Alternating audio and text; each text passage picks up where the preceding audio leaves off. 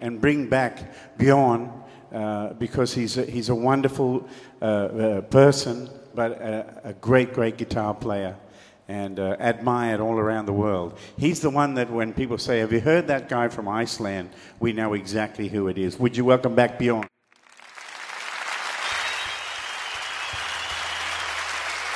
Sæl Bjössi og velkomin í 2020 leiðir. Takk fyrir bara og takk fyrir að bjóða mér. Alltaf gaman að þessu. Já, mín er ánægin. Uh, til að byrja með, segðu mér hérna aðeins frá upphafinu. Þegar þú byrjaði að spila á gítar, hvar fannst þörfina í þig til þess að byrja að spila?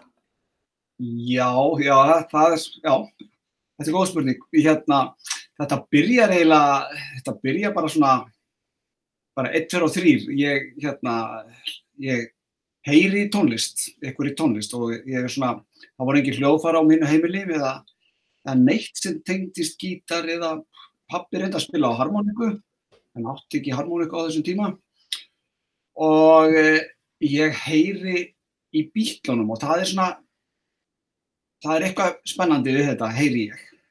Og, en svo er það, það verður svona bara eitthvað tíman er ég að koma heim og það var nýkomið svona svartkvitt sjónvarp heima. Og ég sé svona mynd af mönnum sem er að spila í sjónvarpinu. Og ég tek að ég bara stend hana með handbóltan í hundunum og, og bara frosið, mér fannst þetta bara eitthvað bara, bara from heaven, þannig að mér fannst þetta eitthvað svo æðislegt. Og upp frá þeirri stundu var ég bara staðráðan í því að verða ég ætlaði að verða gítarleikari þegar ég erði stór. Og það komst eiginlega ekkit að annað eftir þetta. Þannig að byrjaði bara byrjaði þessi, þessi vinna að vinna að þessu markmiði. Fyrst ég, ég vissir að verði ekki alveg hvert markmiði var en þetta var það, það sem ég langaði til að gera. Mér fannst allt í sambandi við það að spila á ramaskítar, þetta var ramaskítar, notabenni, svo flott, just, hljóðið sem kom út úr þessu og, og maður sem var að spila ofsalega flott og þetta var bara einhvern veginn, þetta var mín hugmynd kannski um svona kallmennsku eða, eða ég veit ekki, eitthvað svona macho dæmi sko mm. og svo auk þess fannst mér þeir sem gerðu, gáttu spila á gítar, fannst mér algjör í töframann. Hvernig var hægt að muna hver puttin átt að fara þarna og þarna, svo voru alltaf að hreyfa þetta fram og tilbaka, hvernig gáttu þeir, hvernig anskotanum gáttu þeir vita hvert þetta ætti alltaf að fara. Og ég fjall algjörlega fyrir þessu. Og leiði maður launga að, að, hérna, að setja markmiði, það getur sett þess. En þetta var svona byrjunum. Mm -hmm og, og, og færðu bara beint út í búð og kaupi gítar eftir þetta eða hvernig? Nei, nei, þetta var sko þetta er á miðri síðustu öll sko, það er ekki alveg en það er ekki núlíkur en málið er að hérna, ég byrja á því bara að, að ég bara heitlast af þessu og, og ég verð bara að fá mér verð, verð að komast í gítar eða gera eitthvað og Ég skoðaði náttúrulega svona aðalega, það var, menn voru að skiptast að leikaramyndum og svona og ég hafði mestan áhuga á svona uh, hljómsveitamyndum, bílamyndum, myndum af Shadows, myndum af Rolling Stones og svona og þessir ramaskítarar hilluði mig alveg ótrúlega. Og það var náttúrulega, það, á þessum tíma voru ekki peningar til að kaupa bara að æða út í búð og kaupa ramaskítar. Það var, kostaði mikið og bara það var einhvern veginn bara ekki inn í myndinni. Þannig að ég e, byrja á því að reyna að smíða mig gítar. Og e, þeir sem við þekkja að vita það að ég er mjög, ekki mjög klára að smíða og mjög slæmur eiginlega smiður. Og, og þetta var, þetta var óbúslega, e, þetta sem ég smíðaði var ógeðslega ljótt fyrirbæri. Og en þetta var svona mótaði fyrir háls, hálsi og búk, svo er ég búin að teikna svona takka inn á og svo var bú, verslun í Hafnarfyrði, það sem ég bjó, sem seldi, sem hétt eh, músík og sport, já. Þeir seldu, seldu reyðhjól, gerðu við reyðhjól, seldu plötur og gítarstrengi.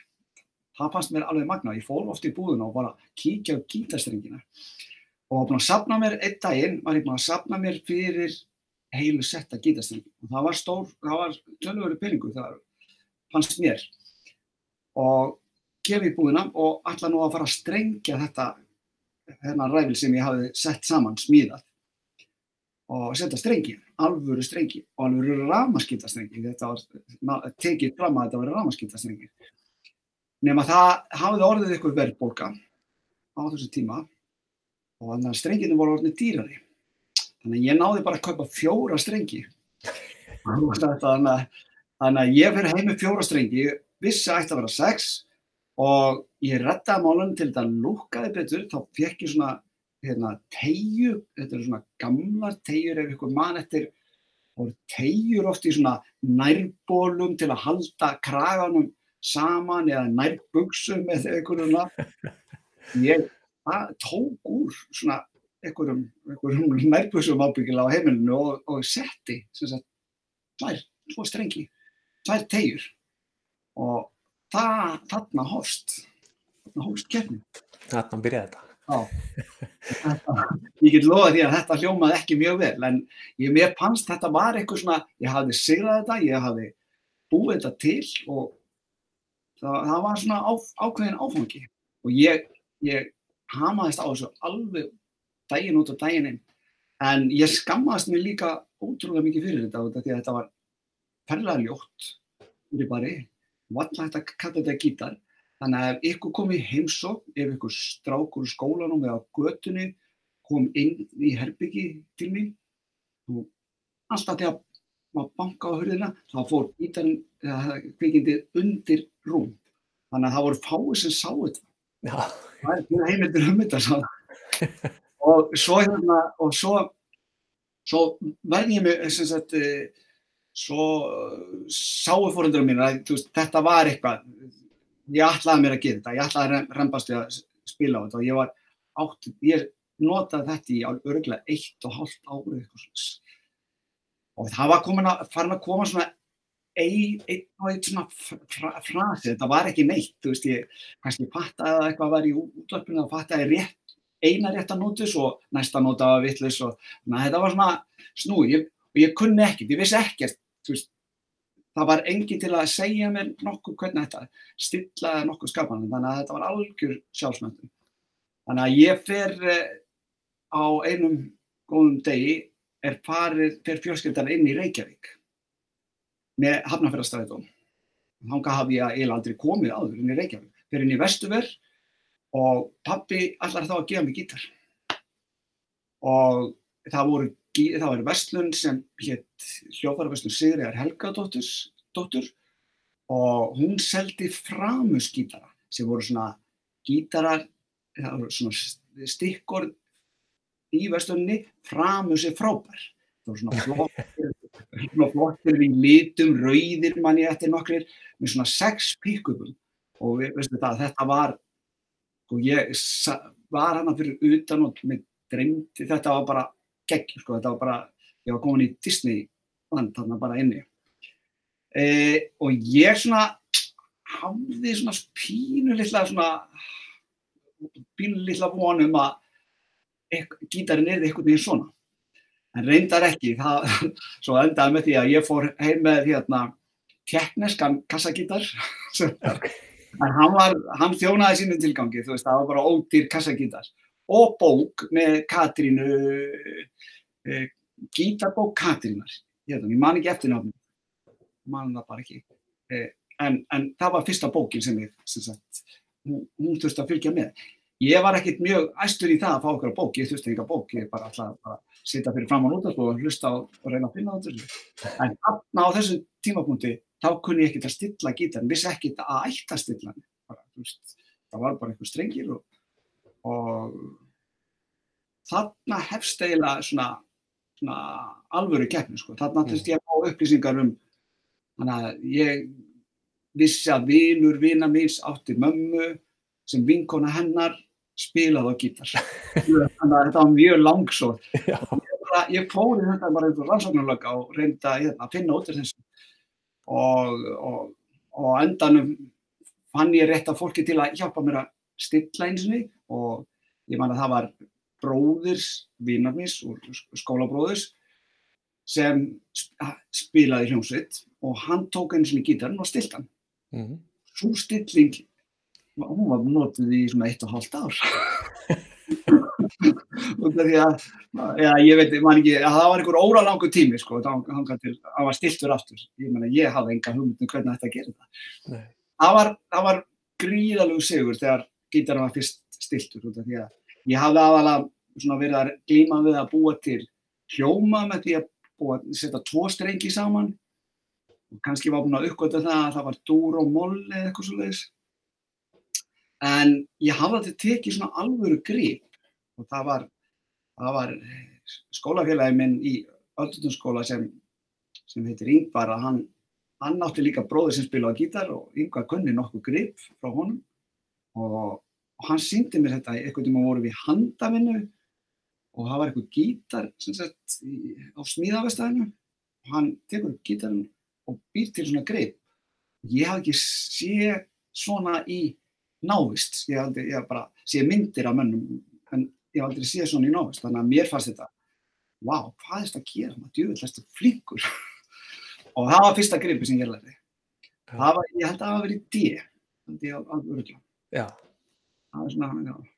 Og, og eftir þetta er fjandi laus því að þá allt í hennu ég get ekki sagt það að ég hef verið snöggur til þetta tók mikið tíma, mikla yfirlegu og svona en á einhverju tímapunkti held ég að eitthvað starf þarna þá gerist þetta óbáslega fljótt að ég bara eftir veist, eftir að ég fæ þessa vittnesku að þá eftir bara mánuð eitthvað slúst þá bara er ég bara að spila allskynslu og, hérna, og og semst, farið að ganga miklu betur sko.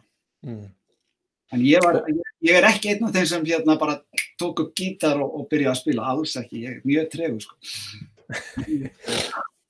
Byrjaði strax þarna að fara í uh, hljómsveit og kynntust einhverjum fljótlega eftir að byrja að spila? Já, fljótlega, fljótlega eftir að ég, svona, ég er búin að læra eh, svona, fyrstu grí, eh, svona, á þessu tímabili þá fer, maður, fer ég að sjá sko, draumana, þetta já, hljómsveit náttúrulega var, það var að flottast að bara í heimi, að vera í hljómsveiti eitthvað svona sko, og sjá bara myndir af hljómsveitum og, og sjá stundu að koma endrum aðeins í sjónvarpi að mér, þetta, þetta var draumur. Þannig að við erum nokkru strákar hérna í göttunni sem erum að sem erum að svona bauka í hafa áhuga á hljóðfærum og svona. Og uh, það endaði náttúrulega í hljómsveit. Og ég, þegar ég fær að hugsa tilbaka þá voru þetta allt strákar í, það var pínlítið gata í, í Hafnafjörði, Hólsgata 15 hús og við gáttum búið til hljómsveit í þessar götu. Mm. það leynist alltaf, það er alltaf að finna allt. Og já, það, svoleiðis byrjar svona þetta. Og já, þetta var mjög, þetta var mjög gafan Og svo færðu þau svo í hefðbundi nám í framhald af þessu eða? Nei, alls ekki. Sko. Ég, þarna, þarna held ég bara á, áfram í þessu bauki og ég er náttúrulega, ég er óbáslega áhuga saman. Þetta var það sem bara mér langaði til að gera. Þannig að ég er bara æfandi mig alla daga. Vissi náttúrulega ekki hvernig ég ætti að æfa mig en bara ég er spílandi. Mér fannst þetta svo ógeðslega gaman. Þannig að svo tróast þetta aðeins og við stopnum hljómsveit í Hafnarfjörð og ég, það er svona aðeins eldri strákar sem, er, sem, er, sem höfðu einhverja smá reynslu sem koma með mér og, og, og þessi hljómsveit e, byrja, fyrsta nafni var hérna Víktrima, það eru margir, Jónni Garðars var þarna, hérna, mm -hmm. e, músikspekulant og, og útdagsmaður og þannig að og ég læri rosalega mikið á því að vera kringum svona aðeins, aðeins eldri, þú veist, það munna kannski 2-3 ára með eitthvað sliðis, en það var alveg nóg fyrir mig, þeir voru komið lengra og voru að hlusta og ég drekk alveg í mig hvaða músík þeir eru að hlusta, þeir eru svona mikið pælar svona ofta á tíðum, þeir eru að hlusta svona ekki, ekki alveg argasta pop, hljómsveitir eins og Colosseum og, og eitthvað svoleiðis. Og ég fætt fyrir þessu öllu og, og hérna. svo bara held ég áfram og svo þróast þetta og þróast þetta meira og við stopnum hljómsveit sem heitir Laufið sem fær svo fyrir að spila á böllum svona skólaböllum svona ekki, ekki svona alvöru böllum en þróast kannski samt út í það að fara til Reykjavíkur og spila þar og að vera í Hafnarfyrði á þessum tíma var svolítið er svolítið stórst stökk að fara til Reykjavíkur. Þetta í Reykjavíkur bara, fyrir mig var svona hálfgerð New York, er eitthvað svona, svona stór, the big city. Og e, ég man líka eftir því að strákanir sem voru að spila, ég er náttúrulega aðalega fylgist, fylgist með gítarleikurum, sem voru að spila á sama reki og ég kannski, og við strákanir, strákanir í Reykjavík voru komnir tvörverð lengra fekk einu svona kultúrsjokk það var skemmtistæðar sem heitir Tónabær sem hérna, við unlingandi 14 ára vorum að fara í og, og, og drekka brenniði fyrir utan til að svo, hérna, svo sveif á mann þegar maður fór inn að einhverjum á einhverjum tímapunkti förum við eitthvað að lappa þarna um í nákvæmni tónabæðir og, og heyrum svona háaða, hljómsveitar háaða og það er hljómsveit að æfa. Og það er hljómsveit úr Reykjavík og hérna, sem ég hafi hirt talað um. Og ég fann það að bara að standa þarna fyrir utan, svo fengum við að fara inn og eins og skoða og ég fekk að taka í aðeins, en ég fann það að þeir voru miklu betri, þeir voru komin miklu lengra. Og á þeim tímapunkti þá ákvæði ég það, veist, þetta skildi ég aldrei láta koma fyrir mig aftur að vera eitthvað svona að því mér fannst ég ekki sko eh, alls ekki vera nóg góður að, að djama þarna með þau og þannig að ég bara eftir þetta atvik að, að finnast ég ekki nóg góður að þá passa ég mjög vel upp á því að, upp á það að hérna, ef ég ætti að spila með einhverjum að það þurfu ekki að vera með minni máttakjönd mm. þá undirbjóði ég mig það vel fyrir eitthvað. En þetta er nóttur en þetta var svona þetta var, en ég fann það að þeir voru komni lengra og, og hérna og þanga vildi ég fara í Reykjavík. Þetta, að spila með ykkur úr Reykjavík og það og úrval, þannig að ég fyrir að spila með strákum úr Reykjavík og það verða nokkra hljómsutur og svona til. Og aðalega er og ég kemst alveg þarna er að spila bara með mönnum sem eru komni, hafðu töluverða reynslu hafði verið í hljómsutum eins og, ég veit ekki hvað, eitthvað mann eftir náttúru, e, paradís og þau eru svona, og hljómsutir sem voru hip og cool á sínum tíma og, og, mm. og óttu mjög góðar. Og ég var svona að spila með mönnu sem höfðu verið í þessum hljómsutum. Mér fannst það æðislega gaman og hérna, ég læriði ótrúlega mikið á því. En þetta er svona, þetta er svona tími sem maður er hérna með hálfgerða unglingaveiki og, og svona og óanaði kannski með sjálfan sig og, og oft er ég, er ég að spila með aðeins eldri strákum, þeir eru kannski komið með fjölskyldur og, eða svona, þú veist, vísi af fjölskyld, kærustöðum og svona, ég var hins vegar, þarna var ég ekki, ég var bara, þú veist, ég var bara ég, mín kærast það var bara gítarinn eða eitthvað svona sko, það var eitthvað lúðlega sko. En ég hafði alveg brennandi áhuga. Það var, það var eiginlega það sem dreif mig svolítið áfram að það, ég, mér fannst bara allt enn bara á þessum tíma allt bara eitthvað svona já, æðislegt við gítarinn mm. og einhverjum einhverjum tíma þá að hérna finn ég það að og, og var reyndan með alltaf í maðunum frá því að ég var yngri að langa að fara út. Ég, ég sá þetta alltaf einhvern veginn, ég sá þetta einhvern veginn, ég, ég er með óbáslar væntingar við allt sem ég geri og, og mjög óraunhæfa stundum. Ég, ég held ég hafi nú verið, verið 14 ára þegar ég ætlaði kom eitthvað tíman heim til fóreldramenna og sagði að ég ætlaði að fara til, ég ætlaði að fara bara til London og ég ætlaði, hérna, ég ætlaði bara að reyna fyrir mér, bara, bara farið bara í hljómsveit, reyna að komast í hljómsveit eitthvað slúðist. Og ég, þá hafði ég aldrei farið upp í flugvill á þessum tíu. Ég hafði aldrei, ég hafði einhvern tíma einu svona farið bíldudal, bara hálfgjörnum flugbát eitthvað slúðist, en ég hef aldrei farið upp í alveg flugvill, ekki einu svona fokkaði. og aldrei farið til útlanda sjálfsögðu. Og ég hafa nú ekki meiri skilning af það, mér fannst London eins og það var í Ameríku því mér fannst allt í svona í Ameríku sko að því maður heyrði í, í Kana útvarpinu þá hlustaði maður ofta á hérna svona, já Kana, maður náði Kana útvarpinu í, í, í Hafnarfjörð og Reykjavík á þessu sæði og heyrði oft svolítið svona hip og cool músík þar og ég setti sem sagt London bara, það var þarna það sem þeir voru þarna upp á velli, þannig að ég sá enga mun þarna. Þannig að mér var bent snýrtilega á það að ég vissi nú ekki eins og hvað London væri þannig að það var ekki mjög sniðist að fara þánga á ókönnuðu máli, þannig að sá draumur var drefminn þarna, en, en ég held þessu plani alltaf að vilja fara út og draumirum var að spila með einhverjum útlenskum eða bara einhverjum frægum, jú, jú, ég setti margir hún þangað.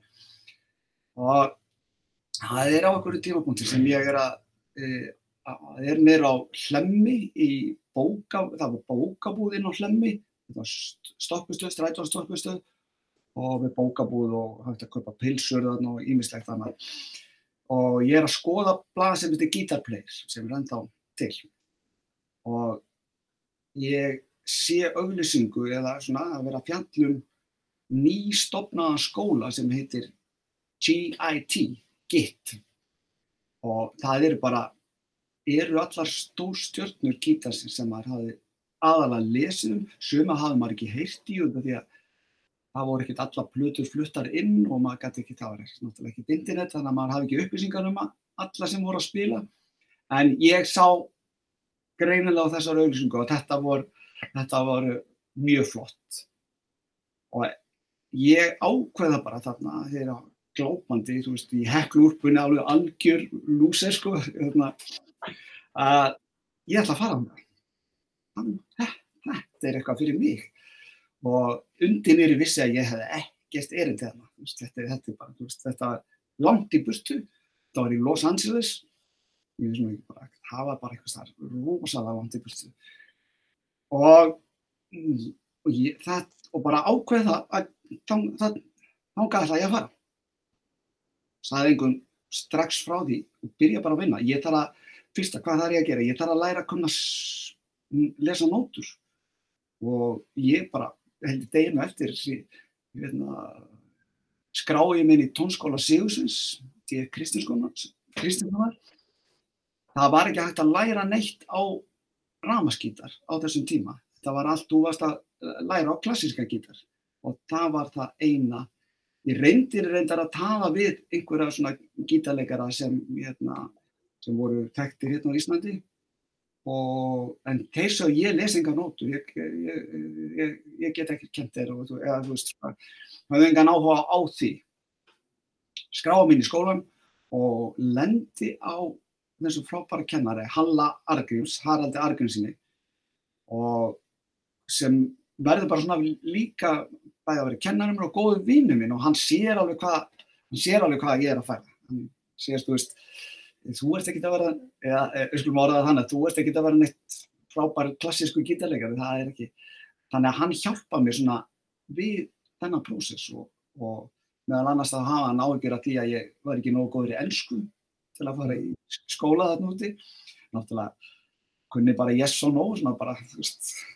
Uh, og þannig að hann keipti fyrir mig hérna svona pocketbók og sagði mér að lesa þessa bók á ennsku þannig að hann var svona hjálpsamur í þessu. Og þannig að ég bara tek þetta með, já stæl, já, jú, jú, ég var bara fjandi dölur hérna, ég ræði mikið á mig og læra að lesa nótur og, læri svona það sem hægt var að læra í hljónfræði, tónfræði og tónheirn og svona.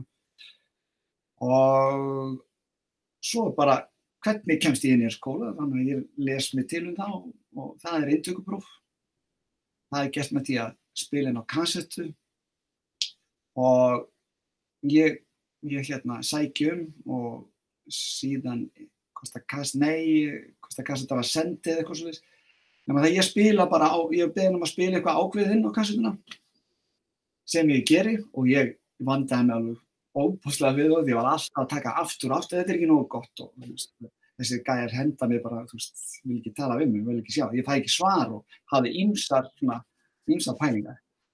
sendi þetta út og eftir einn, það tekur svo langa tíma að senda og tilbaka og þetta voru einn og hálfu mánuður sem var ansi langur og ég beigð, er ykkur, kom ykkur póstur? Já.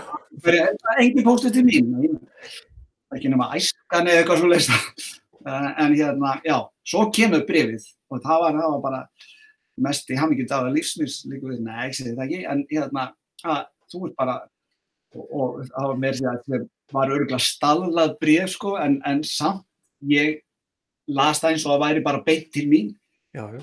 við þökkuðum fyrir hérna, þökkuðum fyrir áhugan og, og hérna og þú ert greinilega alveg qualified til að koma inn í skólan og við þökkuðum fyrir þetta framvæg líklegast hefur þetta verið stala en ég bara tók það góða út og held að ég var að tala beint um mig Já, já. og þetta var svona fyrir ego-ígóði sko, var þetta óbáslega gott og svo bara fer ég út eftir, reyndar tók alveg ár sko, eftir, eftir að ég fekk þessa hérna, kvalningu að þá fór ég svona eftir eitthvað var cirka ár. Og ég myndi segja það að, að, hérna, að sumur er að tala um fyrir og eftir Krist og nú getum við talað kannski um hérna, fyrir og eftir COVID. Já. Það, það er svona stór, eitthvað svona stórt í lífi fólks. Eh, fyrir mig að fara þarna út að það var al, algjör hérna, það var algjör bylting. Ég tala alltaf um fyrir og eftir. Það, að, sagt, eftir, að ég, eftir að ég kem heim. Og ég verð að segja sko að og ég myndi hvetja til þess unga menn og maður á að vera kaldur að prófa hlutina bara go for it. Auðvitað er maður alltaf að gera eitthvað vittlis og fara, þú veist, kannski fara í raun, ekki fara í rétta námið og allt svona, en, en ef maður prófar ekki, þá verð, veit maður það aldrei. En þetta var algjör bylting fyrir mig og ég, þetta bara, það breytti lífið mínu algjörlega. Mm. Ég, ég bara, ég fann mig þarna, þú veist, þarna var ég komin á algjörðan heimavöll og, þú veist, því að það hafi verið svona 150 gítarleikarar í skólan, það var mútið stærri það voru allir, þetta var bara allir, þetta var bara speilmynd af, af mér. Já. Það var bara algjör áhugi, sko, ég bara, voru bara spilandi allan dag. Og ég fjall, þú veist, þetta var, já, fjall vel inn í þennan hó. Það var rosalega gaman. Og var, hérna, mannstu, var, var þetta dýrt nám á þessum tíma? Var þetta svolítið fyrirtæki að fara þarna út? Þetta var þetta mikið fyrirtæki, mikið Já. fyrirtæki og hérna, og, og mjög dýrt, mjög dýrt. E, sko, já, fyrir þetta voru, ég man alveg upp að hérna, 3200 dólarar Já, ok. var, kostaði ár, árið. 3200 dólarar, en við erum, við erum, þetta er 1981, sko. Það var stór peningur og ég, þetta var í seðlum, sem sagt, ég, mamma saumaði hérna, peningana inn í sokkin út af því að hún taldi að það var glæpamann á hverju hotnið þannig. Við höfum bara séð hérna, myndir, svona, hérna, veist, ameríska þættir sko, sem voru bara hérna, glæpa þættir og, og hún, þetta voru allt bara glæpamenn þannig, þannig að hún saumaði þetta sem sagt inn á inn á sokka, inn í sokkana og inn í hérna buksunar það var mjög skemmtilegt. Þarna kom ég fyrir, já, 3500 dólarum Akkurat. Þetta, hérna, maður mann nú eftir því á sínum tíma þegar maður, og, og les náttúrulega enn kannski stundum, en maður mann eftir þessum skóla í auðlýsingum í, hérna, í gítarplegir til dæmis og þarna voru náttúrulega bara allir aðal gaurarnir, hittur ekki fullt af frábærum bæði kennurum og tónlistamönnum? Al, algjörlega. Og það var náttúrulega þarna var ég sko að upplifa náttúrulega bara allt það sem hann dreymdi um og ég, ég hitti þarna var Van Halen til dæmis Eddie Van Halen, hann var stúst, á, á hátindi algjörlega hátindi ræða sinna sko hann kemur sem sko, kemur náttúrulega ekki sem kennari, kemur þar voru svona fyrirlesarar eða voru með já, workshop, komu og spiluðu í hálf tíma eitthvað slús. Það var mjög algengt. Ég hitti Bruce þarna, eða hitt ekki persónlega á bara einn af strákonum þarna, Joe Pass var þarna og ég var nú ekki svona mikið að hafa mig frammi en ég, svona, ég, þegar maður hitti menni svo Joe Passa þá, ég spilaði hálft lag með honum á sínum tíma. Já, ok. Það kemur, þá er hann upp á sviði, sko, sem sagt í skólunum og, og hann fær til sín nefnendur sko að vilja spila með mér eitt, þú veist, eitt blues eða eitthvað slags og hérna, ég fekk að spila hálft og svo að skipta inn á en það er bara, bara æðislegt sko. Og, eh, og já, þetta voru svona stóru, fullt af stóru nöfnum.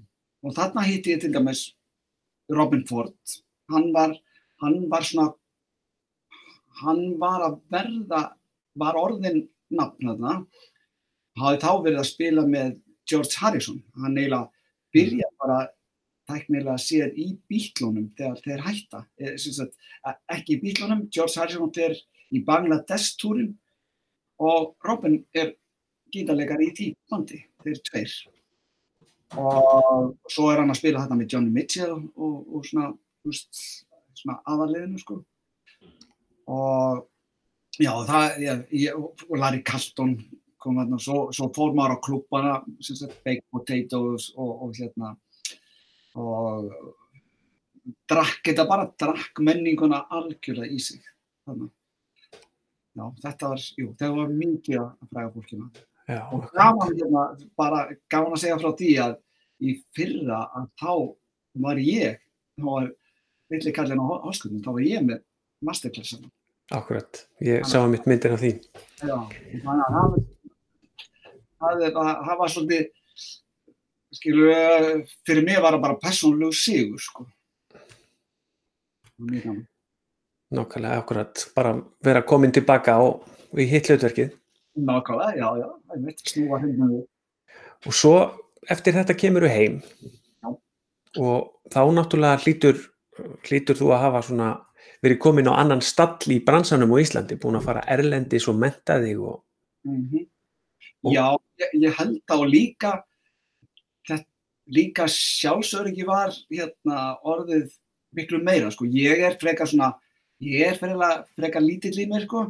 ég er ekki mikill bóur, en þarna var ég svona búin að, mér gekk bara ágætlega hérna, ég komst til dæmis á, á svona, það var svona kasetta sem var gerð með tíu ekki, ég, ég hef aldrei talað um bestu, það er ekkert svo bara, en tíu svona frambærilegu gítarleikurum af þessum 150 sem voru, og ég var einn af þeim, bara það var Ok. bara, og þannig að ég, svona, ég, ég var komið ákveðið sjálfströst og, og þegar ég kem til Íslands að þá, hérna, þá er það fyrsta sem ég geri er að bara, ég ringi í Björgvin Haldursson, Björgvin var náttúrulega bara toppi síns fyrirst þegar, hérna, þetta er að gerast og, og þetta er svona að menn segja, þú veist nú helviti kokki að bara hringja, já, ég fór bara í veist, við tektumst ekki neitt og bara kynni mig og það símtal var skemmtilegt og hérna, hann fýblaðist aðeins í mér, hérna, sagðist ekki, þú getur eitthvað, sagði hann. Já, hérna, en hann er bara, hann hefur góðan húmor. Og, og það verður verður þannig að, að hann er að einmitt að fara að forma hljómsveit til að fara túr um landið.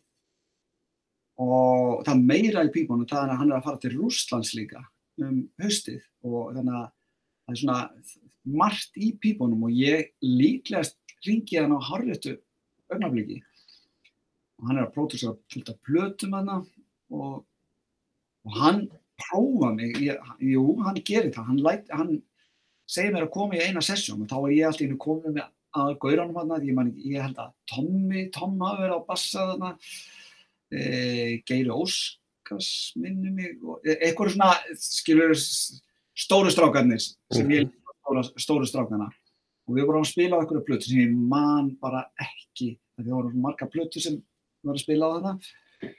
Og Björgvin var að pródúsera og hann var örgulega að tekka eitthvað á mig bara. Og, og ég man einhvern tíman hann, s- hvort hann spurði Tomma að- hvernig er stráðurinn og hérna ég, þá, þá sagði, hlusta ég að hann er bara fýtt maður. Þannig, að- þetta gekkur þannig að ég ég hérna ég fór í hljómsveitina til Björgvins í, í, á þannig túr. Og ég hafði ímislegt líka input við það. Ég hafði uh, þarna út í LA, hafði ég gert svona, svona díl með að gera plötu og Jónas R. Jónsson, hérna, pródúseraði hana, átt að pródúsera hana og Jónas er náttúrulega hugmyndaríkur og hann segir, skulum fá svona LA sound á þessa plötu.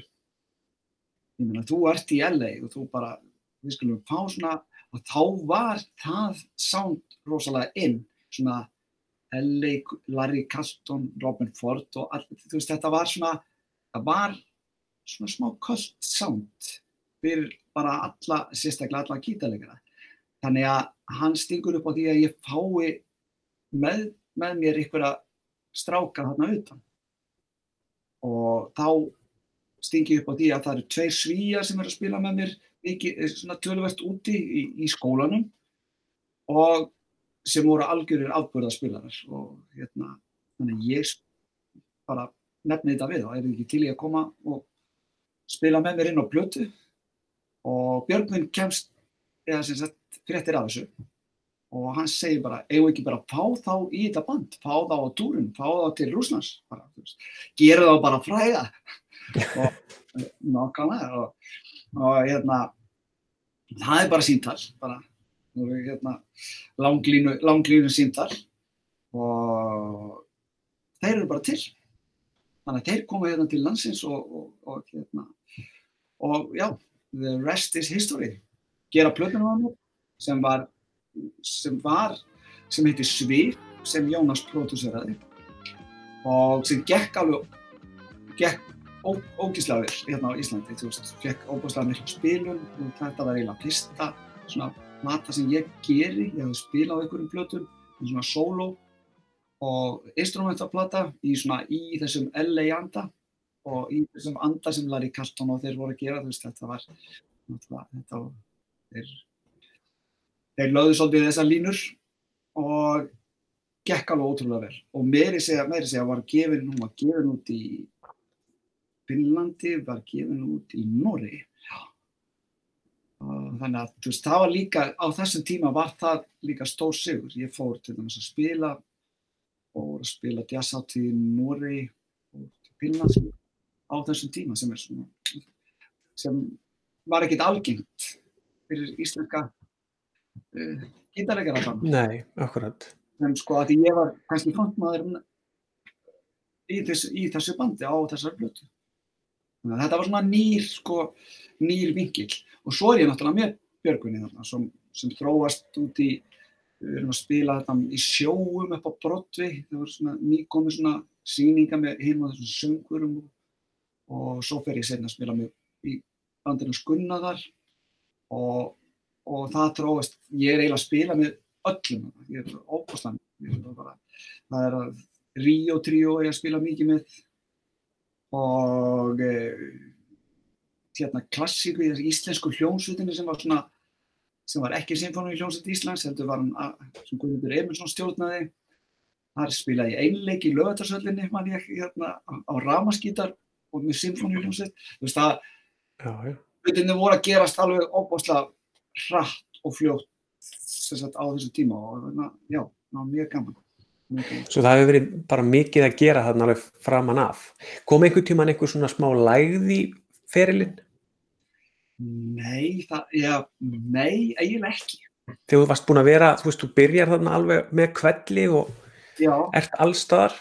Já, sko, ég hef ekki orðið líklegast hefur það verið en mér finnst það ekki ég finnst ég alltaf einhvern veginn hafa óbúslega mikið að gera og það er ennþá í dag að ekki, já, að bara að mér finnst ég alltaf mér líður þannig að ég er alltaf að fara inn á einhverja aðeins aðrar brautir en ég hef verið að gera og nú í dag get ég leift með það, þú veist, að ég bara þarf ekki, já, ég bara ef ég, ef ég langar til að gera eitthvað þá, þá, þá get ég það. Akkurat. Og ég, mín, mín upplifun svona af bara hvernig þú vinnur er að, og eins og við höfum bara séð, þú býrð rosa mikið til, alveg eins og þegar þú flyttur heim frá LA, mm. að þú sest og ringir, sem að kannski ekki allir svona hafa í sér að gera. Mhm, Já, Svo þú ert, þú ert svolítið mikið í því að, að bara láta hlutin að gerast. já, ég mitt, ég, það er, já, já, ég hef alltaf litið á að ég, eh, að hérna, þú verður að bera þetta í björginni og, og mér finnst það ekkert, mér finnst það bara mjög eðlilegt að hérna, því að þá gerast hlutinni bara miklu fyrr, ég bara hringi þig ef ég þarf að gera eitthvað. Þegar ég bauður að spila í Edmonton, þá hringdi ég bara í þig. Nákvæmlega. Ég bara, ég skilur þú veist, ég, ég er ekkit að, ég er ekkit feimið við það, það er bara, það er bara mjög, bara að gera hlutina og, og það er líka bara, það er, eh, þú býr til þinn feril sjálfur, hann kemur, það eru, það eru mýtur að hérna, að ferilli komi allur til því og þú segir bara, já ég leist það maður, ég vil ekki hafa, sa- ég vil ekki hafa samband við fólk, það verður bara að hafa samband við mig, ég er búið að hætta við e-mail og svona, ég, ég svara nú yfirleitt ekki og þetta er, þú veist, þetta, sorry, þetta virkar ekki svona í dag, sérstaklega ekki í dag, þú verður að, þú verður að taka upp síma, þú svara öllum, þú svara öllum e-mailum og þú, þú verður líka að vera, það, vera næs, það skiptir rosalega máli, ég, maður finnur svo eftir, eftir langan fyrir að, hérna, að vera bara, vera heiðalögur, vera, vera næs við fólk og líka líta á, það er aldrei að líta á eitthvað eins og þú sést eitthvað betri en einhver annar, því að það er ekki svo leys. Að allir, við allir, við tölum bara um okkur sem gítarleikara, þá er eitthvað sem þú getur gert svona þúsundsunum betur en ég og, og ég, það er öruglega eitthvað sem ég finn til sem ég get gert aðeins betur en þú. En Þetta er bara svona, þú veist, við höfum okkar svona forti og, og við erum allir svona, það er, þú finnur aldrei neitt sem getur sagt að sé lélugur eða hann hefur alltaf eitthvað gott. Það er, ég hef þá trú og ef maður tekur alltaf svona að þá, hérna, þá kemur það tilbaka þú, þú færð, þú færð líka að því gítarleikur er mjög mikið í samspili við erum að spila með öðrum þó að segjum stundum soloistar að og hvernig ert þú bestur? Þú ert bestur þegar þú ert með félaga sem spila vel með þér. Ok. E, þegar félagunir, þegar félaguninu líður rosalega vel og þeir eru öryggir, þeir eru öryggir með sig og hérna, þá finnur þú það, þá spila þú helmikið betur. Gamla leiðin var svolítið hérna, eins og ég ólst upp í bransunum, var það að vera svona, það var svona ymsir sem voru pikki og alltaf, býtu, þetta á er ekki díðana og þetta nú kannski að stilla gítarna aðeins betur. Veist, þetta lætið þið bara líða illa og þá spilar þau vel og hann spila líka, þú spila vel með honum og hann spila vel og það var, veist, það virkar ekki svona. Og þarna eru Amerikana, þarna, þarna þessu byrja ég að kynnast þarna út í, í LA sko 80 og, og 2, 81 og 2 og svona svona létu menn. Þeir voru sko, þú veist, þegar ég var að spila með þú veist, þá voru þeir að, veist, að ta, taka það frá, eða sem sagt, ná því út sem ég var bestur í að gera. Ég vissi að ég var ekkert, alls ekkert, sko, alls ekkert góður eða neitt svoleiðis, en þeir voru að taka það besta út og segja, þú veist, þetta er bara æðislegt, sko. Í staði fyrir kannski ekki, já, á Íslandi eða bara einhvers þar annars stað, þá, eru menn ofta að pikki hlutina sem maður er kannski ekki alveg nógu góði í. Mm. Það held ég að sé algjörlega rámt. Þú ert alltaf að reyna að fá það besta út úr, út úr þér. Öll, ef öllum líður vel, að þá gerir maður góða hluti. Þú, þú ert í rauninni að segja að samspil í hljómsveit til dæmis það nær miklu dýbra, það nær alveg í samskiptin líka, það er líka samspil. þetta er, það er skiptir, það skiptir sko öruglega 50% máli, ef ekki 80, myndi ég segja. Hvernig þið líður innan. Ef þú ert, þetta er, þetta er svo einfalt bara, ef þú ert, ef þið líður illa og ert stressaður og ert óörugur og bara ég hitti á sann út eða ekki, þú kemur, að þá, þá tekur það allt energi. Þetta er svo margir hlutir sem þú þarfst að hugsa um þú ert að spila og, og vera í gýr fyrir, að þú hefur ekki tíma fyrir, þetta er bara alveg svo ef, þeir, ef þú ert stressaður fyrir, þetta þekkjum við allir, ef við erum eitthvað stressaður fyrir eitthvað gig, þá spilum við illa. við vitum þá spilum við ekki á nema kannski 60% af, afkostum þegar við gætum verið kannski 90% afkostum í, í, með góðan kaffipotla og þegar okkur líður vel og svona. Þetta vitum, innst inni vitum við allir. Alveg klárlega. Hefur einhver uh, ráð til þess að díla við þetta? Því að það eru, eins og þú segir, það eru ótrúlega margir sem að fara upp á svið og hérna og líður ekki nú og vel og er stressaðir og, og, og bara og það eins og þú segir, þá spilar þau á 60% Já, Hefur þau einhver eh, ráð við svona líðan? Sko, já, ég hérna ég, eða, ég, ég díla, þurfti líka að díla við þetta hef, en ég er einhvern veginn eh, ég bara ákvað ég, ég ákvað það og það er einhvern veginn, ég, ég er ágættur í ákvarðantökum þegar ég ákveði eitthvað þá bara, þá verður það svo við en að leifis ekki hafa áhrif á mig ég bara, ég á, ákvaða einhvern veginn að þú veist ef ég ætlaði mér að gera þessa hluti sem ég hef ætlaði að gera að þá, þá gengur þetta ekki veist. og þess vegna er ég óhrættur við að lappa upp á svið með mönnum sem veist, spila mig algjörlega í kafi að geta gert það. Ég reynir bara að fara, veist, ég reynir bara að gera þitt besta og, og hérna, það er að einu minn gett og ég ætla ekki að, ég bara gefa sér ekki séns. Þetta er bara eins og, er eins og, ég þurfti að díla við flugræslu til dæmis, en, en svo stend ég fram fyrir því að þetta er mín atvinna að fljúa út um allt, veist, ég get ekki díla, veist, og ég ákvaða bara þetta er bara bull. Og í dag er ég mér svo anskotna saman ég, ég, veist, ég hef lett í svona al, allskins klúðri í flugi sko sem flugurinn hafa droppað nýr veistu það, ég er alveg pollrólur þetta bara hefur ekki áhrif. Ég er bara fyrir einhvern 20-25 árum bara ákveðið, þetta bara gengur ekki.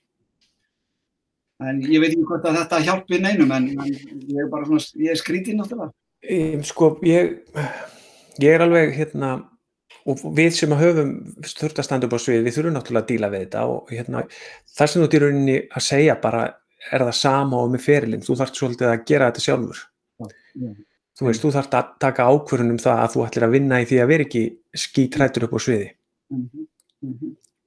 eða skítrættur í flugvel Þetta er einmitt, þetta er ekkit ósvipað en ég veit, ég veit alveg nákvæmlega hvað það er að vera þú veist, hrættur hrættur í fluginu eða hrættur, hrættur upp á sviði. En í dag er, þú veist, það, ég, mér líður alveg ótrúlega vel upp á sviði. Veist, ég, þetta hefur ekki áhrif á mig. Og ég líka bara, ég gef því, gef því engansins að komast þarna. Þetta er eitthvað svona, þetta er eitthvað svona, ég líti á þetta sem eitthvað svona lítið kall sem er að reyna að komast hérna. Þetta hræða það eins ég bara, þú veist, nei, no way, sko, þú fær ekki að koma með núna, þú, þú verður bara heima og átti ekki síðan, sko. Akkurat, en hann er það náttúrulega. Hann, hann er alltaf tilbúin, maður er alltaf tilbúin, alltaf tilbúin og ég, hérna, það er líka, ég held að maður yfirvinnir þetta, það er til dæmis sagt að þú lendir í einhvern svona ókyrði í flugja og svona, þá ætti að fara strax aftur að fljúa og þess vegna held ég að sé ágætt ef maður er maður eitthvað tæpur á, á sviði og svona að þá maður bara maður á að henda sér út í djúbununa maður á að gera eitthvað sko sem er alveg bara þú veist, reyna að komast í þá aðstöðu sem er erfið og bara og, og svo bara hugsa sér ef ég kemst í gegnum þetta þá er hitt allt bara djók. Og ég hef komist í þessa aðstöðu. Þetta er mjög góðu punktur. Já, ég, ég, en þetta er, þetta er og líka gaman að þú sést að spjallum þetta og þetta, þetta, þetta til dæmis að, að hugsa þér sko, veist, við erum náttúrulega aldrei og spilum aldrei 100% veist, það sem við getum. Segjum, þú veist, á óbáslega góðum degi við séum 85-90% af því sem við getum, en hugsa þér hvað við erum bara raunverulega slappir sko þegar við erum komnið kannski nýri 50% af því sem við gætum gert. Mm -hmm. Það er skömma því að bara, það eru bara að líta á þetta svolítið. Ég verð bara að sína allum hvað ég get. Akkurat. Uh, framan af ferlinum ertu að spila á ramaskítar og þú lærir á ramaskítar út í LA og, og kemur svo og spilar hérna heima á ramaskítar svo verður einhver breyting, þú byrjar að spila og ert kannski meira þekktur í dag fyrir kassagítarleik. Já, já, já. Já, já, ég spila mikið á ramaskítar samt í dag og hérna e, þetta byrjar eiginlega á okkur tímapunkti förum við að spila mikið, hérna, ég að spila mikið með Rio tríu og uh, Gunni Þórðabbi stutsaða, Gunni býður mér að spila, getur ekki komið og spila með okkur í Rio Rio tríu og þar algjörlega festist ég. Og að spila með Rio er bara þannig, þú veist, bæði voru þetta bara óbúslega skemmtilegi strákar og hefði alls, alls ekki verið að missa því tækið bara að spila með þessum strákum. Og líka að, það, það, það voru ekki slæmi tjekkarnir sem maður fekk fyrir að spila með þeim og hérna þannig að bara í mörg ár er ég að spila með Ríó alltaf annars slægi bara í tíu ára. Og við Gunni vorum mjög oft þarna tveir vekja vegna við það við strákuna og einhverju einu sinni þá ákveðum við Gunni við við ætlum að gera eitthvað svona tríó eða eitthvað svona gítarkent sem engungu er kassagítar. Og, og á góðum eftirmistegi ringi ég Gunna, ég er með það það eru tjólögin og í svona Django stíl og þá gerum við þessar hljómsett Gítar Íslandsjó sem átt að vera bara svona saumaglúpur sem við ætlum bara, bara skemmt okkur, við höfum gaman að spila. Og en aldrei svara aðeins meirinn sömurklubur þegar við gerum blötu sem verður gullblatast selst alveg eins og bara hitta numur. Og er hljómsveitin verður mikið success í bara tón okkur ár. Og hún er ennþá til þannig þú veist en er ekki náttúrulega ekki að mikið að spila. Þannig að svoleiðs festist ég svolítið í í, í kassakítanum og var, þetta var það mikið og svo þarna líka er ég byrjað að fara svolítið út og spila á kassagítarni sko. spila í hinum ég hef spilað með nokkur svona Django uh, Django böndum í Ameríku og, og gítarleikurum í Ameríku oft er þetta svona kassagítar mm. og í Kanada svo er ég, er ég líka svona að, að stjórna ykkur í gítarháttíðum og þá er ég alltaf með gítar gítarinn, kassagítarinn er mitt vopn. Mm. Þú byrjar að tala eins um útlöndin. Hvenar byrjaru, að því þú hefur spilað bara út um allt, hvenar, byrjar þá? Hvenar, hvenar kemur það breyk að þú, að því að þetta hlýtur að vera svolítið svona annar markaður heldur en að vera hérna heima og hann mm. einhvern veginn hefur opnast fyrir þér. Hvernig, hvernig gerist það? Það gerist eiginlega, ég er eitthvað svona ég hafði alltaf mikið áhuga á þessu bara frá því ég var í, í LA að læra og eh, en gerði samt ekki dýris ég er það mikið að spila á Íslandi það maður hafði bara engan tíma tíma til að huga neitt að því nema það ég fæ verkefni uh, sem er Reykjavíkuborg er, er, er menningaborg Evrópu árið 2000 og ég fæ verkefni að vera ég og Egil Ólásson fáum meila þetta verkefni að það Egil er óbúslega busy á þessum tíma og þannig að hann setjast það svolítið í hendurna á mér en er samt í ljónsveitinni. Við förum út um allan heim á þessu árið 2000. Uh, Ameríku, Evrópu, fórum ekki til Asíu, nei, við fórum ekki. En svona erum í Evrópu og Ameríku og, og hérna e, þetta er fyrir e-mailin er svona, hann er að byrja að koma að hana, ekki, ekki, ekki, og farsímandi, ég man að ég átti ekki, fyrst þegar ég var að byrja í þessum, á þessum túrum, þá átti ég ekki farsímandi, þannig að maður var að ringja á hótelherbyggjónum og svona að láta að vita sér. Eh, ég, þarna myndi ég eftir einni gullri eh, reglu sem hérna ég hafði ekki gert þegar ég var úti í náminu. Ég hafði ekki verið nógu duglegur að halda kontaktu. Mm allt út úr því veist, veist, ég, það er líkilættir að halda kontent þannig að þarna er ég að spila á hinum af þessum stöðum við erum ofta að spila á svona hitta fólk, hitta frækt, svona semifrækt fólk, en svona fólk í efri stegum tónlistabransans og ég, gamli, hérna, ég næði þessum kontaktum, held þessum kontaktum, eða þú veist, uh, fæ adressur og, og, og kynni mig og svona og, og svoleiðis. Svoleiðis byrjar, svo byrjar svona samstarf við Kanada eftir þetta á. Þannig að ég ber að fara mikið til Kanada og ég viðheld þeim tengslum og, og ég er búinn að spila mjög mikið og hef gert út frá hérna Winnipegborg. Og ég hafi farið út um allt í Kanada en það hefur verið svona, mínir líkilmenn hafa verið þar.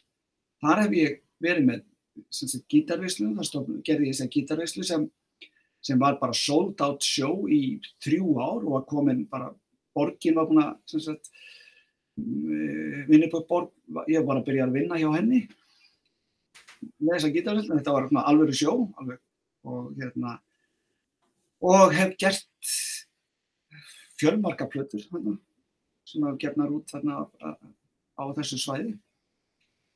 Og já, bara spila með stórsveit, ég spila með symfóníuljónsveit Winnipegborgar spilaði hérna fyrir já seg, segjumur árum nei, einu, einu ári, rúmið einu ári. Spilaði ég lík með symfóníuljónsveit Winnipegborgar okay. og hérna, já það var mjög, mjög gaman. Það var, það var einmitt í jólinn þá var ég á öðrum túr og það varst að fara þangað.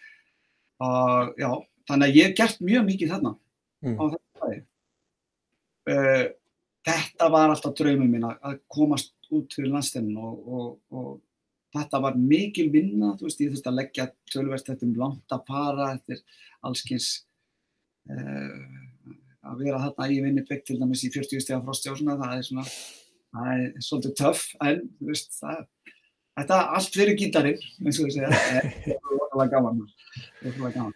Svo gegnum allar þessar gítarhátiðir sem, sem hafa verið, já, í, sem ég haldi í Winnipeg, sem hefur svona verið aðsuccess staðirinn, að þá hef ég verið í Chicago, ég hef verið í Bergen í, í hérna, Núri og svo gerum við einu svona í, í Edmonton, þú varst nú þar, og hérna, og svo náttúrulega Reykjavík sem er um Reykjavík og Hafnarfjörð og Kópavogi.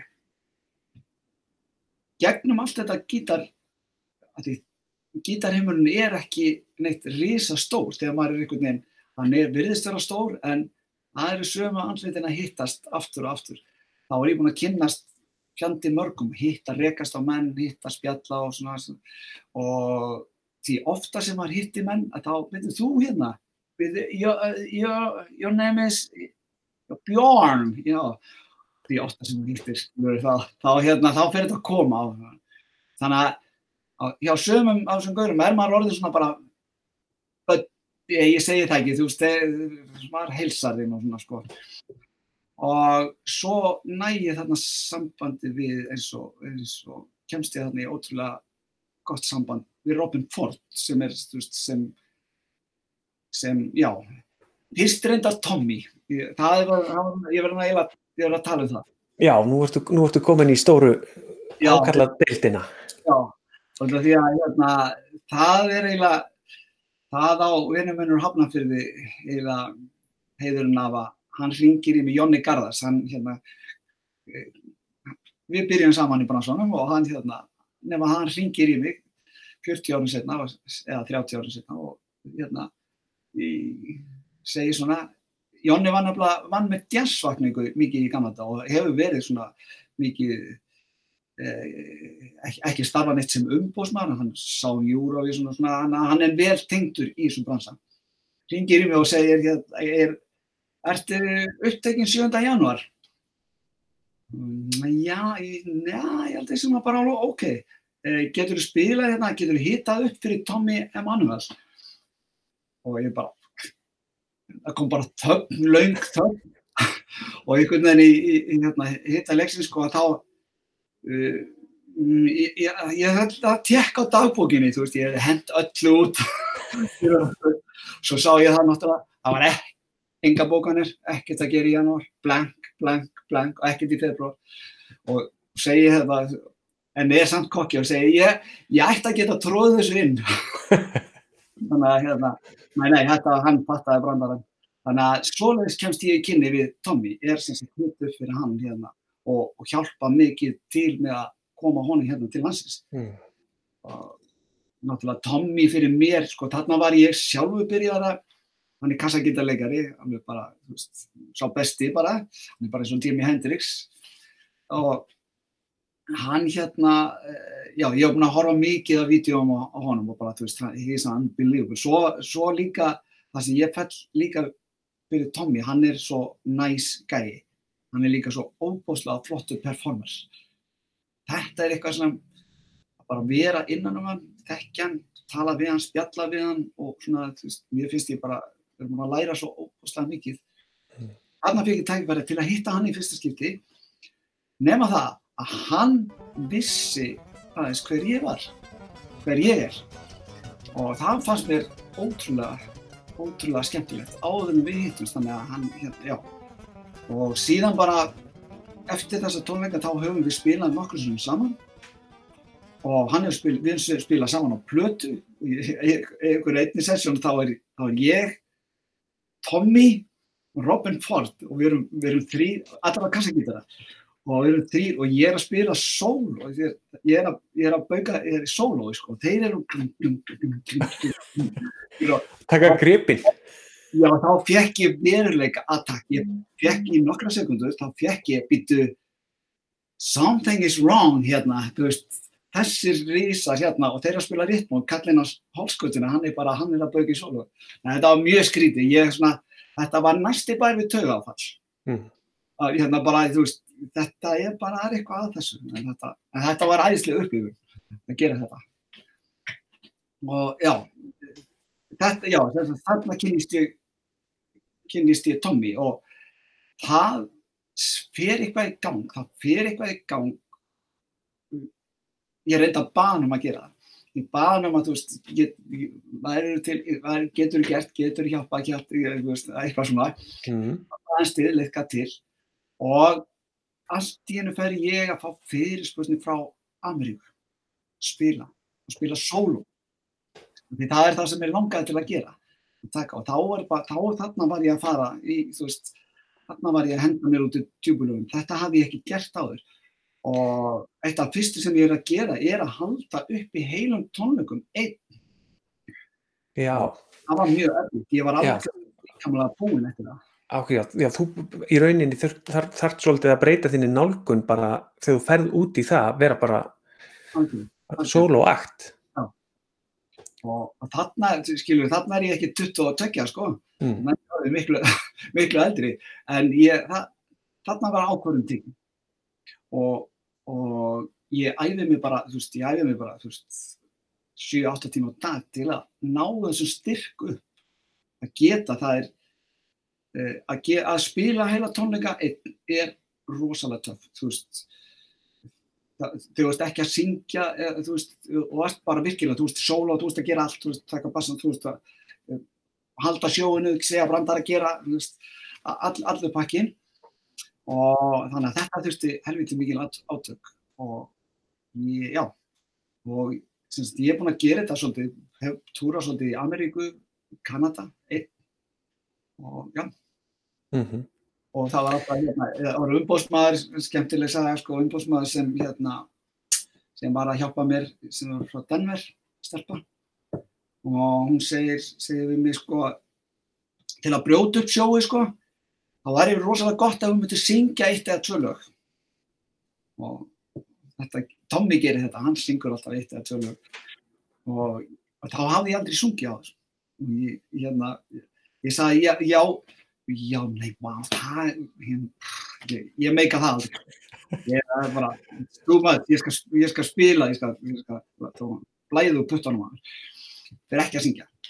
Jú, reynda að gera það, en ég get ekki sungið, sa- sagði ég svona bara fyrstur, þá segir hún þetta bara beint á- í feysið á mig sko, ég veit það að þú getur ekkert sungið en þú verður samt. Það er bestu meðmæli sem ég fengið maður. það var yndislegt og þá var bara tekið á þessu ég ákvað það bara, bara það, ég fer alltaf í þessu skemmtilegu orð Jimi Hendrix sem hann sagði, Jimi Hendrix var alltaf, hafði alltaf áhyggjur, hún fannst röddinn sín svo bara ekki, ekki hip og og hafði einhverja vonda fílingu með röddina sína. Hann sagði, ok, ég læt mig hafa, fyrst að Bob Dylan getur sungið á plötu, þá get ég það. Og ég er þetta markvið bara. Þetta gengur heldur ekki út þetta er, bara, þetta er líka bara einlagnist, ég, ég fer bara mína leið og ég ætla ekki að laga hérna, á enginn að bera mig saman við neitt söngvar, ég, þetta er bara mitt framlag, framlegning á gítarnum. Mm -hmm. Akkurat. Þetta er... Þess vegna hef ég bætt inn í. Já. Og, já. Og svo, hérna, eftir Tommy, þá, það er ákveði breyk fyrir þig. Já, og þá fer ég í svona solo, solo dæmi. Já, akkurat. Og, og, og, svo, og svo kemur, kemur Robin.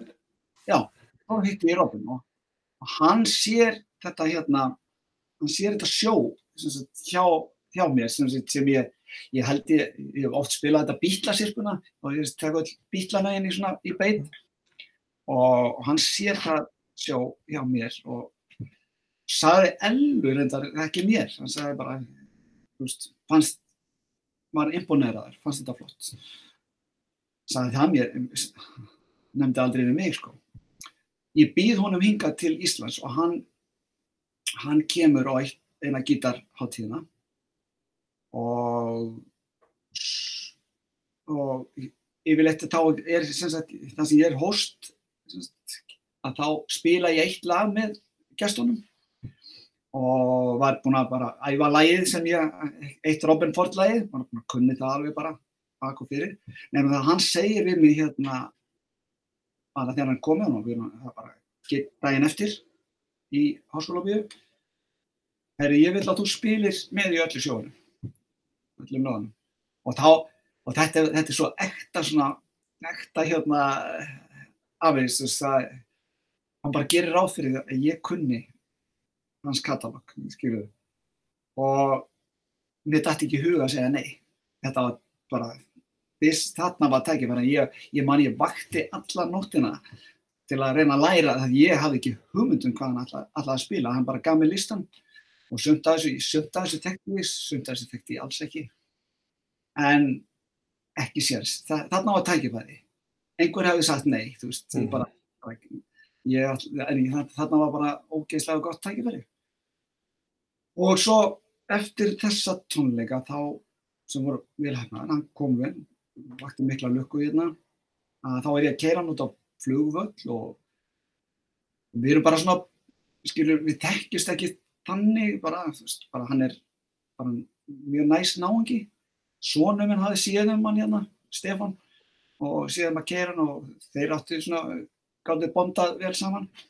En ég ákvaði að keira hann út á völl og er bara svona í þessum What, what are you up to, segir við hann, þú veist hvað, hann segist verið að fara að pródúsera plötu meira og svona, að flytja til Nashville frá LA og, og svona bara meira og vill hætta túra svona mikið eins og hann hefur verið að gera. Og þetta var bara svona, þetta var svona svona tal sem ekki skipti neinu máli ha? og svo, svo spyrja mér what are, what are you up to? Og ég sá samt að hann á smá tækifæri. Annarkort hefur hann einhvern áhuga því sem ég ætla að segja eða hefur hann engan ég, ég reikna með hann hann hefur engan áhuga því. Ég segi, já ég er nú eiginlega að pæla að fara að gera plötu. Og hérna og þá var hann búinn að segja ég, hérna, já ég er langar til að fara á pródúsum ég segi, ég, þá segi ég, já, mér langar til að gera plötu, ert þú til að pródúsera hana, skilur við? Og þetta, þetta átt að vera brandari, ég get svarað, út af því að þú, svona segja maður ekki við fórsetta bandaríkjana eða eitthvað með eitthvað. Þannig að þetta var djók. Og hann segir svona, why not? Og ég leita á þetta bara svona algjör kurtesi bara og svo erum við bara að tala um hraunið á leiðinni og hérna Ísland og svona, gaman að vera á Ísland og svona eftir hálfa mánu ringir hann í mig og segir bara, þú veist, hvaða lög erum við með? Og þá var hann að segja mig, hvaða lið hann ætlar að vera með á, í bandinu? Það er, þú veist, er Jerry Douglas á stílgítar og, og þessi gæjar sem hafa verið að spila með honum, Brian, eh, Brian Allen og, og hérna, en þú veist, allt topplið í, í, hérna, í, já, í Nashville og já, svo bara, svo gerum við þetta og síðan er ég bara búin að, við erum búin að gera, já, við erum búin að gera eina og hálfa plötu, við erum búin að gera lag kvikmynd, ég hef verið að túra með hann hann mikið, í, eða ekki mikið, bara nokkra túra, spila með hann á stórum stöðum og sem þá featuring gestur, sko, ekki, ekki í band, jú í bandinni, yfirleitt er ég bara í bandinni en svo fæ ég mitt Mhm. sjó sko. Og já, bara mjög gaman og þannig að ég er offisíali á hans leikúl það, það, það sem ég gef út fer í gegnum hann. Mhm. og það er verið að vinna í ýmsum málum en svo náttúrulega stoppar þetta COVID-dæmi allt, allt af núna í augnablikinu allavega en það er svona verið að, verið að pæla og það eh, þannig að er, þetta er alls ekki dött Nei, en þarna þarna eh, var fann ég að draumur minn var svolítið að rætast þessi gamli draumur hérna þegar ég var 14 ára, þegar ég ætlaði til London ég held að London var í Ameríku. Eh, þú veist, þessi upplifun að, hérna, ég fann það einhvern tíman, ég upplifur stundur svona moment sem ég fæ bara svona yes, þetta er dæmi. Og það var á veitingastað við erum að borða okkur svona flottu veitingastað og maður leggur alltaf svona símana skilur á borðið bara eins og við gerum það líka. Og við erum bara Robin er þannig að hann er svona elegant maður þú veist, tekur dýravínið og svona. Panta vínið og, hérna skoða matseðilinn. Ringi símin og þá sér, sér maður nöfnin sem sagt í símanu það, það var Tommy Emanuel það var hann að ringja og ég segi allar ekki að svara ekki að svara, come on man. It can wait. Þetta var svona þá áttaði ég mig á því að sko að þarna skilur þarna var maður á á, á, á svona skemmtilegum stað. Svo, svo hérna var ég Kalton alltaf að koma og helsa upp á mig sko, hann alltaf að kíkja í stúdíu með við vorum að vinna en hann komst ekki og hann sendið mér bara veitu, fyrir mig var þetta bara bara, bara Jesus Christ eru hérna að segja bara hæ eitthvað slags þannig að þetta var svona skemmtilegt. Bara til þess að sita þetta aðeins í samhengi fyrir þá sem kannski þekkja Robin ekki vel þá í rauninni skiptir engu máli á hvaða viðtal þú ert að hlusta. Ef að gítarleikari heimsfrægur er spurður um áhrifavalda Já. þá er Robin Ford yfirleitt nefndur. Já, einmitt, hann, hann er. Svo það- hann er algjör, algjör risi í gítarheiminum Alveg tímamlust. Já, svo þetta er svolítið merk, merkilegt að hafa bara að Íslendingur skul, skuli hafa verið að vinna með Robin Ford. Ég held að það myndi ekki gerast svona þegar ég hef verið að hlusta á Robin Ford. Var, en það var ég mjög hissa þegar ég sá þetta að þú varir að fara að koma fram með honum.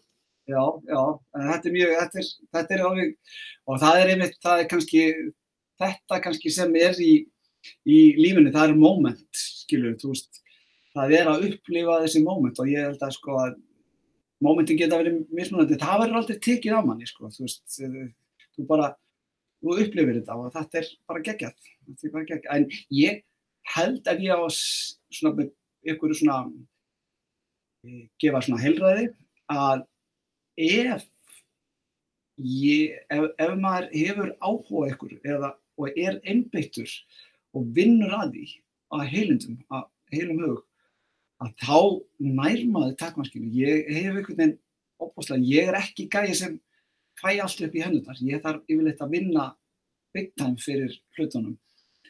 En ég er svona eins og sníill ábyggilega, þú veist, ég fer, ég, vonandi, já, ég kemst í mark. Ég, já, ég, ég þetta, til dæmis að spila á gítar, þú veist, ég, veit um, því ég kenna það mikið að gítar, að sumir pikka bara gítar og bara er allt í orðni bara eftir, halva mánu orðni bara. Frískir gítarleikar geta bara spila það, það var alls ekki svona, ég þurfti að hafa verulega fyrir þessu. En Mm. svo koma, fyrir snignana, sko, svo koma tímabil sem allt í hennu, allt fer úr böndunum bara, þú veist, ég til dæmis er bara st- stundum bara stór hissa á framförum, allt, í- það það er bara að taka allt í hennu stökk, allt í hennu bara, vá, bara, þetta er bara, þetta er bara mánuði síðan og ég var að bauki þessu og svo bara er þetta bara komið. Og þetta er ennþá að gerast. Þess vegna segi ég það er aldrei, það er aldrei á seint. Þú getur alltaf bætt við þig. Það er algjör vittlisa að, hérna, að þú sést þig á einhvern toppi 25 ára eða 35 ára bara nefnir aldurinn skiptir engum ári. Þetta er þroskinn. Þú ert sko, við erum að að ná fram svona tækni málunum svona til 25, 30, 40 myndi ég segja, þá vorum maður svona að gera okkur klára á ég myndi gítarleikurum að, að, að, að slugsa ekki við að reyna á ágættu í tækni þetta því að hún verður þarna, hún, hún fer ekkert í bustu þá getur þau eitt hérna öfri áránum í að þú að nýta, nýta þetta ég, ég held að ég al, algjörlega samfærður um það. Ég bara veit, bara sannlega á, á sjálfum mér að, hérna, að mér finnst, ég, mér er að fara fram. Mm. Að, við tökum bara, bara frá því fyrra, veist, ég bara, mér finnst ég svo margt sem ég bætt við mig, held ég. Já. Það. Nei, þetta, það, ég, ég, þetta er líka bara, ég verða að trú þessu. Já, akkurat. Kanski svona síðasta spurningin tengt þessu. Já. Uh, með hæfileikan. Já. Hvað hérna, að því að oft höldum við að gítarleikari á þínum standard hljóti að hafa bara hafsjó á hæfileikum sem að er náttúrulega örglega svona partur af þessu. Mm -hmm. En hvað hérna Hversu miklu máli skipta hæfileikar fyrir gítarleikara? Sko, þeir skipta ábyggla tölurverðu máli en, en þá er það bara skilgreiningin á þessum hæfileikum. Sko, þetta er svo gríðalega margir tættir sem koma inn, inn í, er þetta tækni, tækni ertu hvað veist, plinkur í puttunum eða hvað veist, plinkur í tónirni eða, eða það, þetta er svo gríðalega og er gaman að þú skuli tala um þetta að, að e, fyrir svona mann sem er búin að spila svona opaslega lengi þá er hann búin að fara í gegnum ímist tímabill á sínu ferli og ég held að það skiptir ekki minna máli hvernig manneskja þú ert til að ná langt í ykkur hljóðfæðarleik. Ég held líka að þetta sé vinna og hvernig þú tekur, hvernig þú beinir þessum litlu, litlu hæfileikum sem þú, ég bara segja fyrir mig, litlu hæfileikum sem ég hef, hvernig ég vinn úr þeim. Að því ég get kannski farið lengra en, en gaurin eða, eða stelpan sem með þessa rosalega hæfileika, ef, ef ég kann bara fara með þetta, ef ég kann að vinna úr, úr þessu hérna, þessu litla sem ég hef, þessu litla nýstan og þetta, þetta fylgist, fylgir allt, þess að það er allt saman áhugin og ástríðan, ég myndi segja ástríðan er sko vegur, er rosalega stór þáttur í þessu, það er að halda sig við efnið, hafa gaman af þessu, finnast þetta æðislega gott, skemmtilegt og, og gaman að spila. Og það er það sem er hjá, allavega það held ég að sé hjá mér að ég hef ennþá ógeðslega gaman að spila gítar, mér finnst það bara veist, þetta er bara alveg geggja ég, ég þarf að spila, ég verð að spila. Ég man bara þegar, þegar ég og fjölskylda vorum að fara hérna, til Portugal eða eitthvað hérna, eða Benidorm eða eitthvað svona þegar við varum að fara með krakkana. Það, veistu hvað ég var að gera? Ég meik ekki að vera í sólbæði ég tók með mig gítar, ég var upp í herbyggi, ég var bara spilandi allan daginn. Og kona mín var svo vön, vön þessu, veist, hún bara lítur á það, e, e, þú veist, þetta er bara sjálfsæðar hluti, veist, bara, hún segir ekki eins og hérna, þú veist, að þú tekur ekki með því gítar, það er ekkert svolítið, dæmi, ég verð að taka með mig gítar. Það er bara, ég verð að hafa hann, þetta er bara, þetta er bara svo stór hluti. Af, þetta er bara lífstíl, það held ég, það er ekki minnsti hlutin af því á þessum hæfileikum. Þetta er líka eitt hæfileiki. En ég ætla bara enda þetta með þetta að segja hérna, fyrsti fyrirlesturinn sem ég fór á þegar ég fór í GIT, GIT, það var maður sem sagði, man ekki alveg hver það var, sem segir, strákar, þið munið það, því það voru aða strákar í skólanum, þið munið það að, að verða góðu gítarleikari, 1% hæfileiki, 99% vinna. Þetta er svolítið ofauki kannski, en það gefur réttu skilabóðum.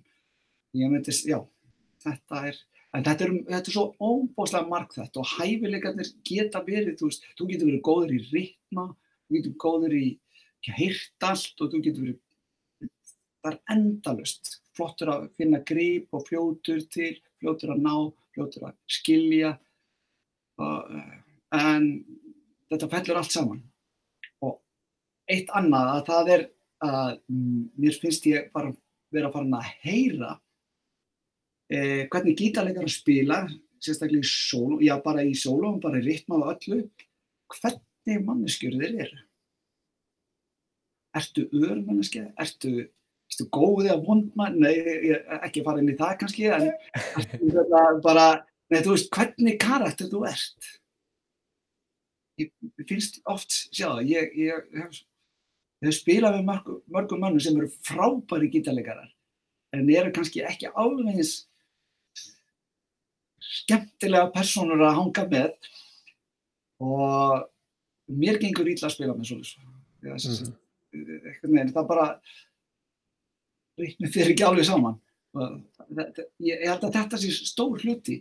Við höfum allir örgulega að upplifa einhvern tíman að vera í hljómsveit og, og hérna, það er eitthvað, við veitum ekki hvað það er, það er eitthvað sem pyrrar okkur við erum í gítarnir rétt stiltum, við erum að spila saman lægið og svona, það er eitthvað samt sem er ekki að vika. Getur verið þetta. Þetta er, þetta er óbúslega marg, margþætt að vera hérna, þessir hæfileikar. Þeir eru ekki bara það að geta spila hrætt eða hægt eða og hafa góðan fíling. Það er, er óbúslega stórt orð, það er svo margir þættir í því að hafa góðan fíling.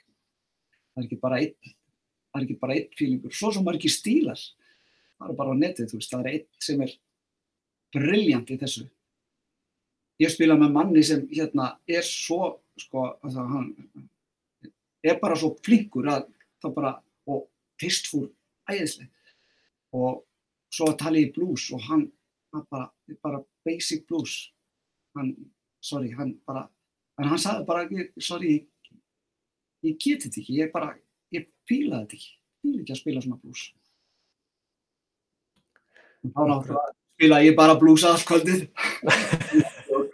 Nei, nei, en þannig að þetta er, sko, þetta er svo rosalega margætt hérna, ég hvet bara alla að alls ekki líta á sjálfansi sem að þeir hafa ekki hæfileika. Við höfum allir pínulitla hæfileika og það er bara að nýta þann nýsta, setja hann í rétta setja hann á réttar stað ég, ég tel að allir hafi eitthvað, eitthvað, eitthvað að gera Akkurat.